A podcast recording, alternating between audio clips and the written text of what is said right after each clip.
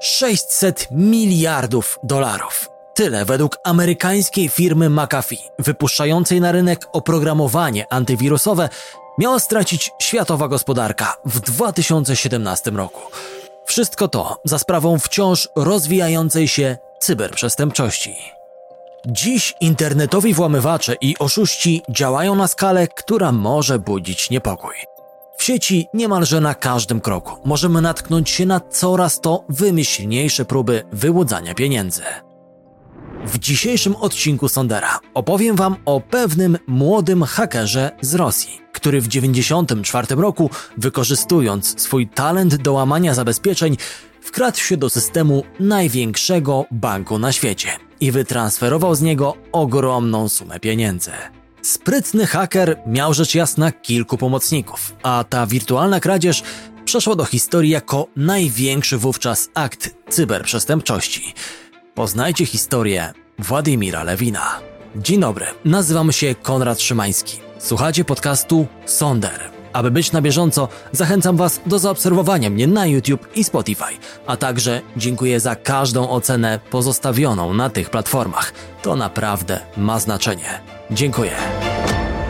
Sonder, poznaj nieznane historie.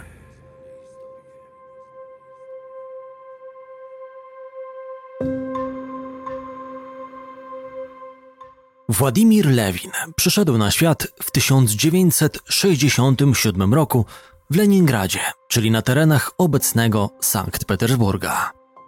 Dorastał w rodzinie, dla której ważną kwestią w życiu było odpowiednie wykształcenie i nauka.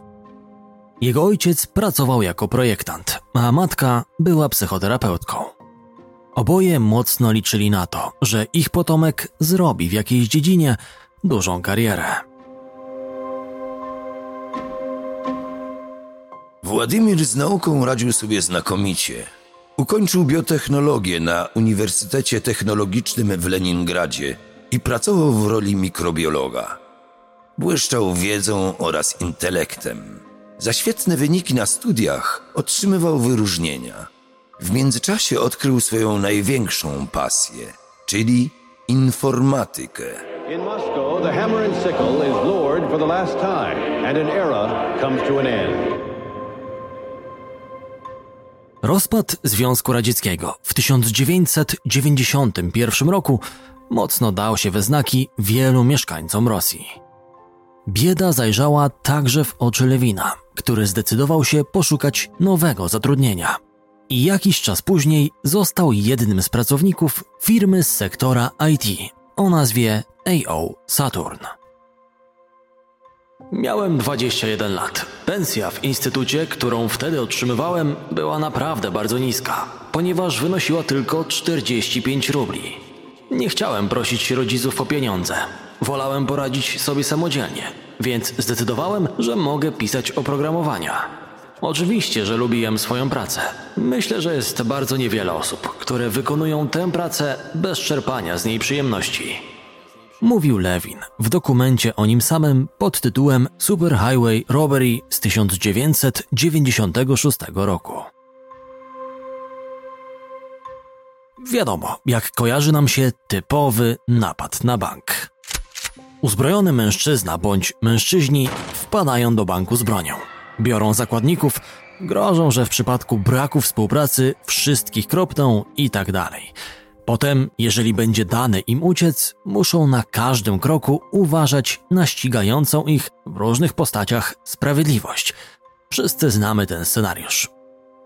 Choć dziś takich klasycznych napadów nie brakuje, wielu przestępców przeniosło się do cyberprzestrzeni. Za pomocą mozolnego, wręcz maniakalnego przesiadywania z rękoma nad klawiaturą i oczami wbitymi w ekran monitora Hakerzy długimi latami budują swoje nieocenione umiejętności, które mogą zatrząść wirtualnym światem. Praktyka wszak czyni mistrza. Tak też było w przypadku Władimira Lewina i jego wielkiego cyberskoku. Tę opowieść musimy jednak zacząć od czegoś innego.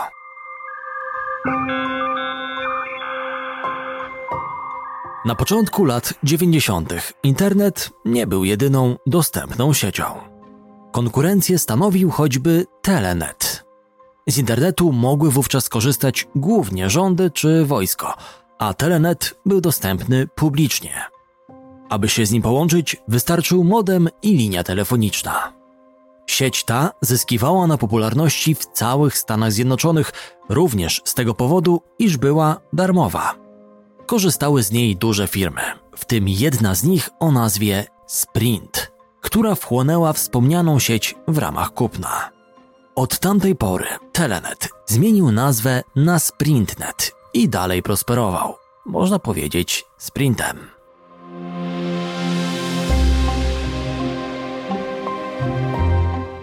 Korzystanie ze Sprintnetu ani trochę nie przypominało dzisiejszego surfowania po sieci i było czymś w rodzaju powolnego, prostego przesyłania informacji i ogłoszeń. Istniały spore trudności, by się z nim połączyć, więc od człowieka korzystającego z tej sieci na pewno wymagano dużej cierpliwości i konkretnego celu.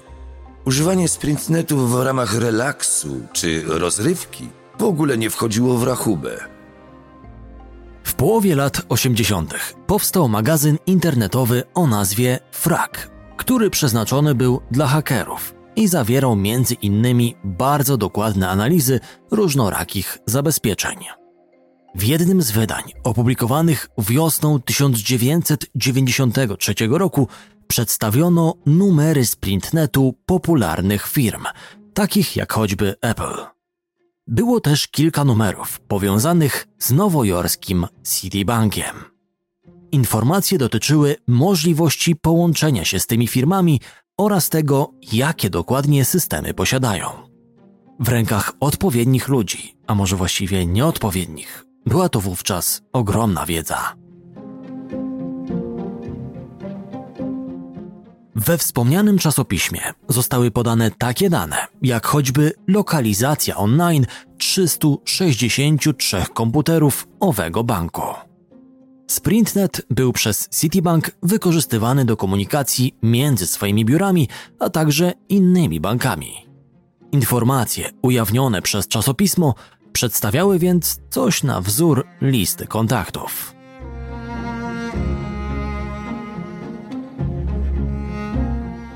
Citibank jako cel obrało sobie kilku wyjątkowo dbających o anonimowość rosyjskich hakerów.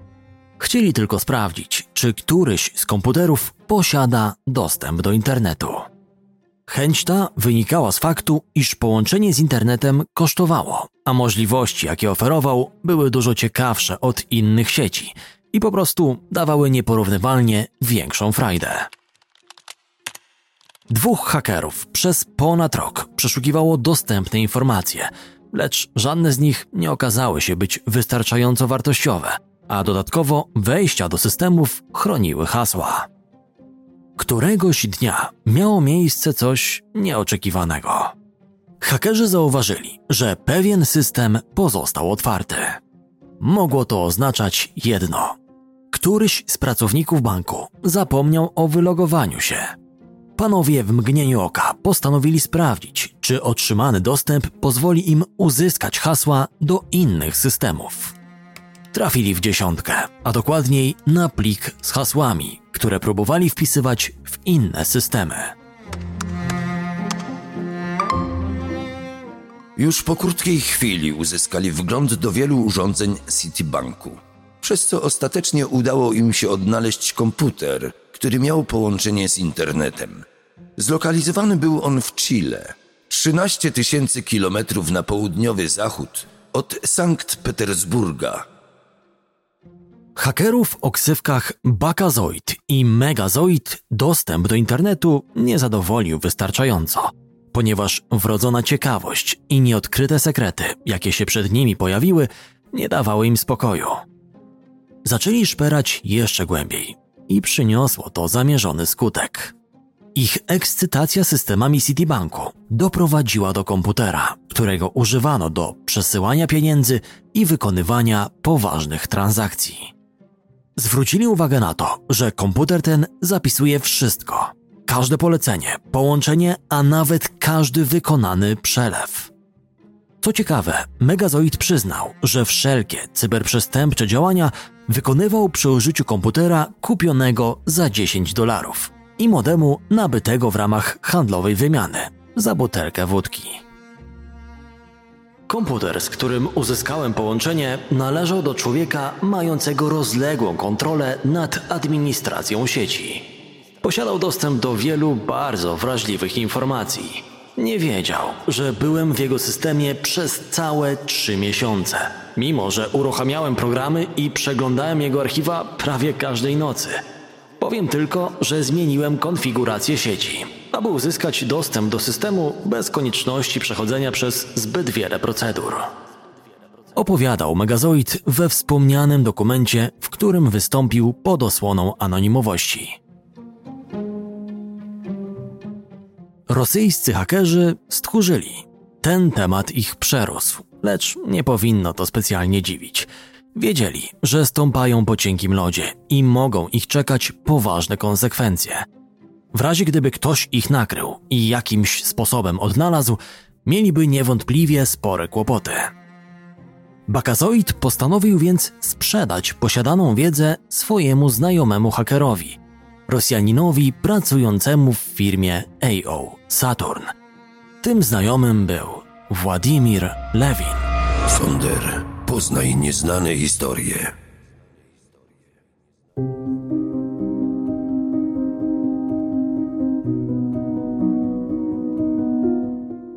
Sto dolarów.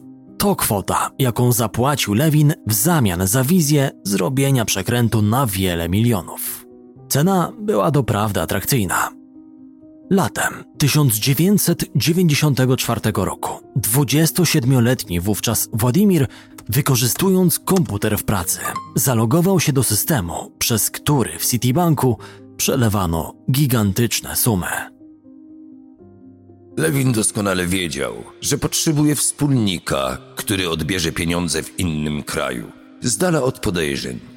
Nie mógł tak po prostu przelać ich na swoje konto, a nawet nie mógł przesłać ich na rejon Sankt Petersburga, bowiem to rodziłoby niepotrzebne ryzyko. W całość wdrożył więc swojego kolegę, który ze względu na skrupulatne zaplanowanie kradzieży pojechał do Finlandii. Właśnie tam jego konto zasiliło skradzione przez Lewina 400 tysięcy dolarów. Władimir nie potrafił uwierzyć, jak łatwo poszło zrabowanie fortuny, właściwie nie wstając z krzesła. Komputery, z których korzystano w nowojorskim Citibanku, oczywiście wyłapały podejrzany przelew. Pracownicy banku postanowili działać i wiedząc, że mają do czynienia z oszustwem, poinformowali FBI. Citibank od razu zatuszowało niechcianą transakcję.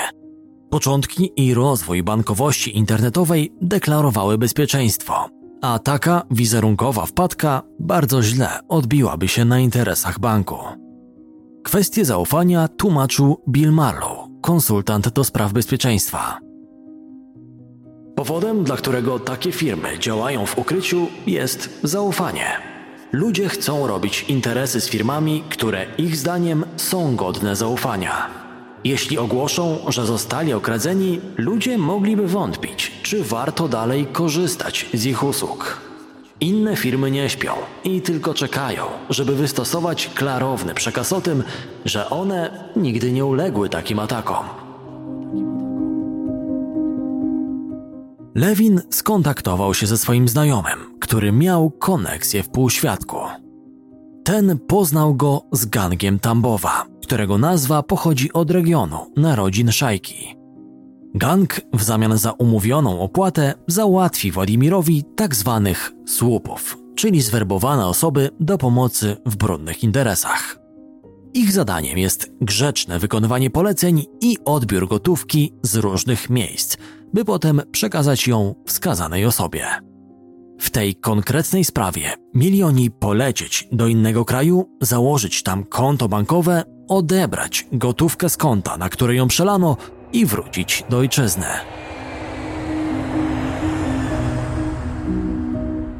Rosyjski gang sponsorował słupom loty do dużych miast, aby stamtąd wyciągali pieniądze przelewane przez Władimira. Lokalizacje były naprawdę odległe i bardzo zróżnicowane. Argentyna, Hongkong, Izrael, Niemcy, Holandia czy Szwajcaria. Na korytarzach Citibanku zapanowała panika, bowiem nikomu nieznany człowiek z nieznanego miejsca po prostu kradł pieniądze należące do różnych ludzi. Na przestrzeni roku łupem cyberprzestępcy padło 18 kont bankowych.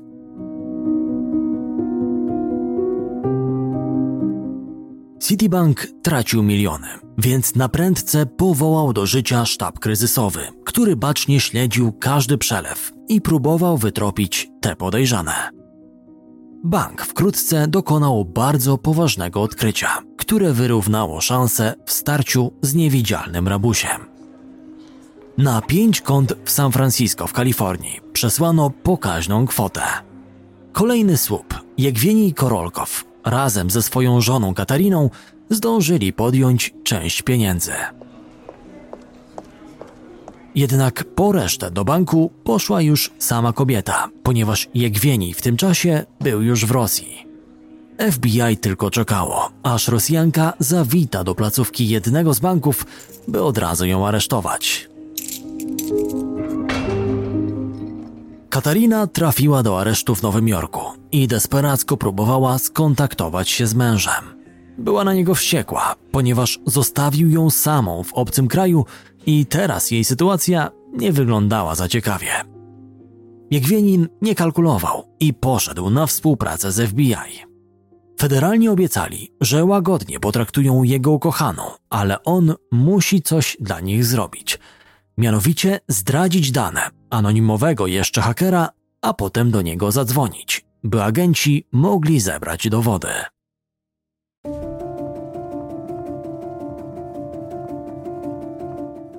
Wyszło na jaw, że Korolkow pracował z Lewinem w firmie AO Saturn.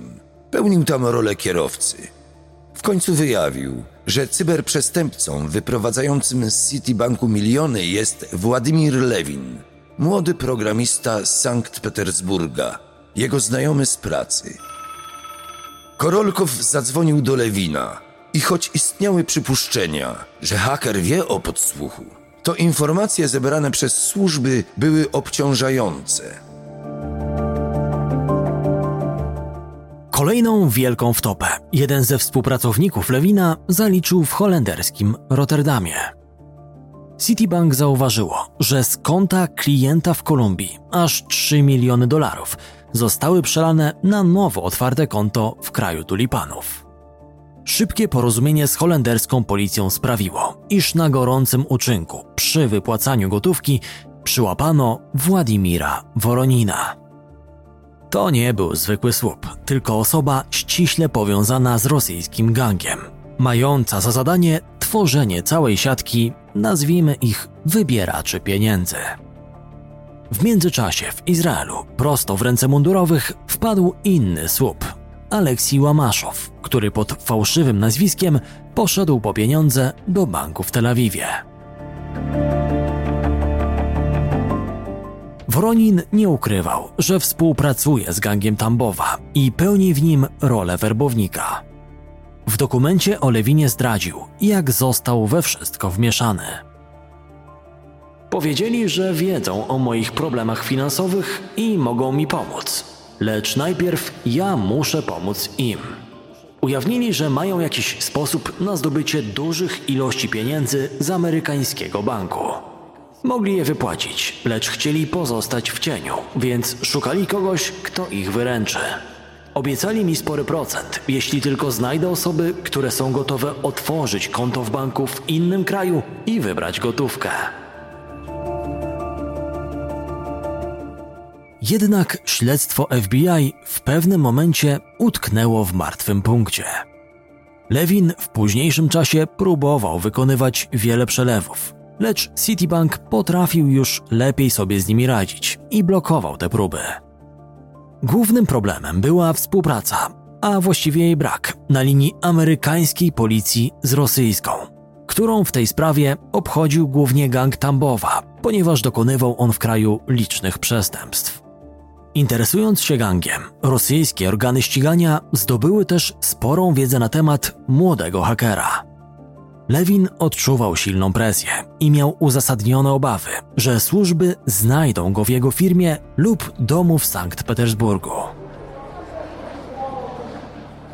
Któregoś dnia postanowił polecieć na targi komputerowe do Niemiec.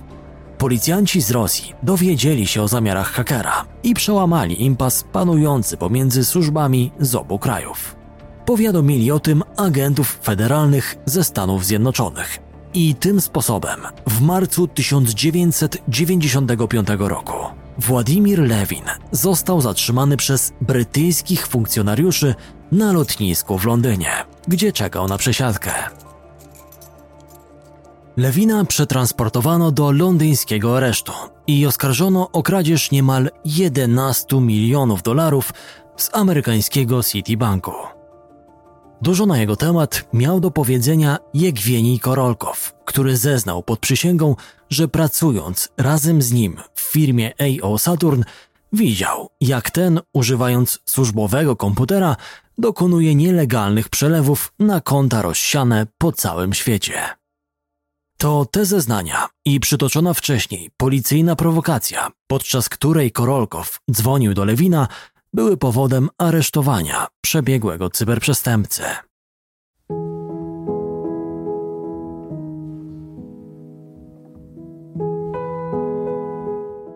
Lewin nie mógł przebywać w areszcie dłużej niż dwa miesiące, więc federalnym bardzo spieszyło się, by domknąć śledztwo. Rosyjska policja dalej współpracowała z USA i podczas przeszukiwania biura firmy AO Saturn skonfiskowała komputery, które, jak się później okazało, zostały użyte do wykonywania nielegalnych przelewów. FBI obwieściło sukces, bowiem haker został odnaleziony. Dowody rzeczowe w postaci komputerów także, a ponadto ustalono powiązania Lewina z rosyjskim gangiem. Po spędzeniu 30 miesięcy w areszcie w Londynie, Władimir doczekał się ekstradycji do USA. W przytaczanym już dokumencie, czekając jeszcze na ekstradycję, przysięgał, że jest niewinny.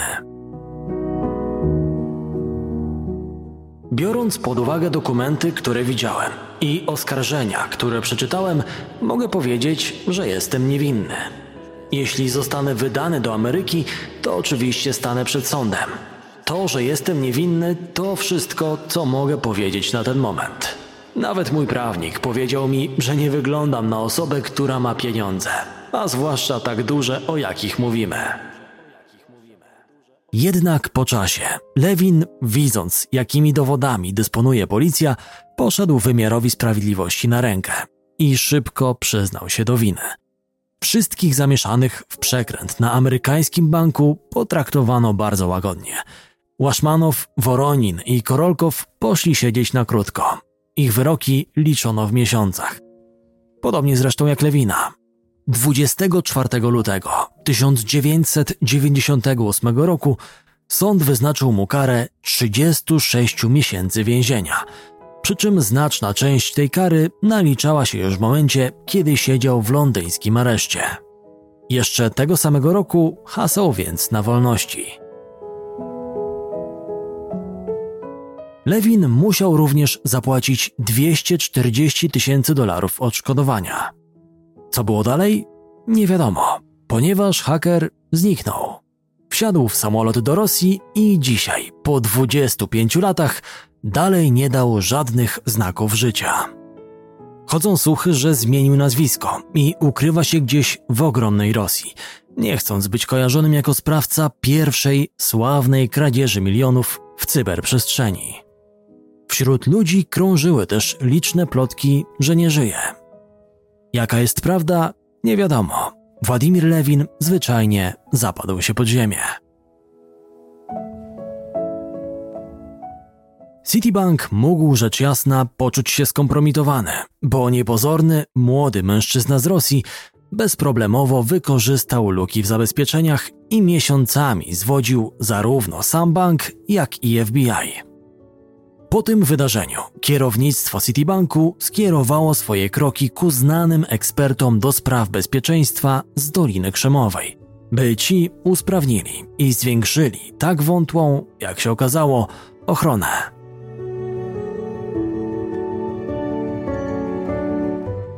Nowojorski Bank opublikował w tamtym czasie specjalne oświadczenie, w którym poinformował, że Lewin wykonał 40 prób rabunku na łączną kwotę niemalże 11 milionów dolarów, lecz wszystkie środki odzyskano.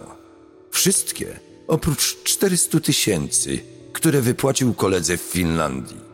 Spekulowało się, że trafiły one w ręce rosyjskiego gangu, który sfinansował za nie broń. Władimir Lewin, chcąc nie chcąc, pomógł też w rozwoju amerykańskiej policji.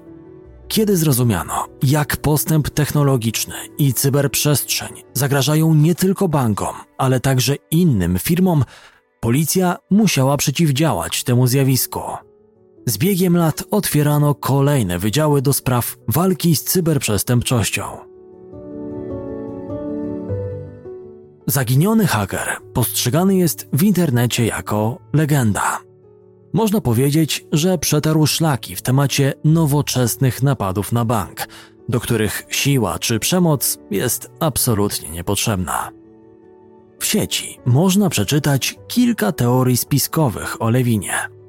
Znający go ludzie pisali, iż niemożliwe jest, by to on stał za całą aferą, ponieważ wcale nie był genialnym hakerem – tylko po prostu uzdolnionym programistą i właściwie nic ponadto. Jego imiennik, Władimir Woronin, również wątpił, że to Lewin był mózgiem operacji i wszystkim kierował. Cyberskok na Citibank w Nowym Jorku został rozwiązany. Jednak trudno nie mieć wrażenia, że istnieją pewne informacje, które nigdy nie ujrzały światła dziennego a mogłyby stanowić kluczowe dla śledztwa ustalenia. Być może Lewin toczy dziś zwyczajne życie, z daleka od możliwości bycia rozpoznanym i dalej beztrosko pasjonuje się buszowaniem po sieci, tak bardzo innej niż ta, którą przemykał 30 lat temu. Kto wie, może nawet słucha podcastów o sobie. Jeżeli słuchasz mnie na Spotify, będę bardzo wdzięczny, jeśli ocenisz mój podcast w aplikacji. Słuchaczom z YouTube'a dziękuję za każdą łapkę w górę pozostawioną pod materiałem. Bardzo dziękuję za wsparcie.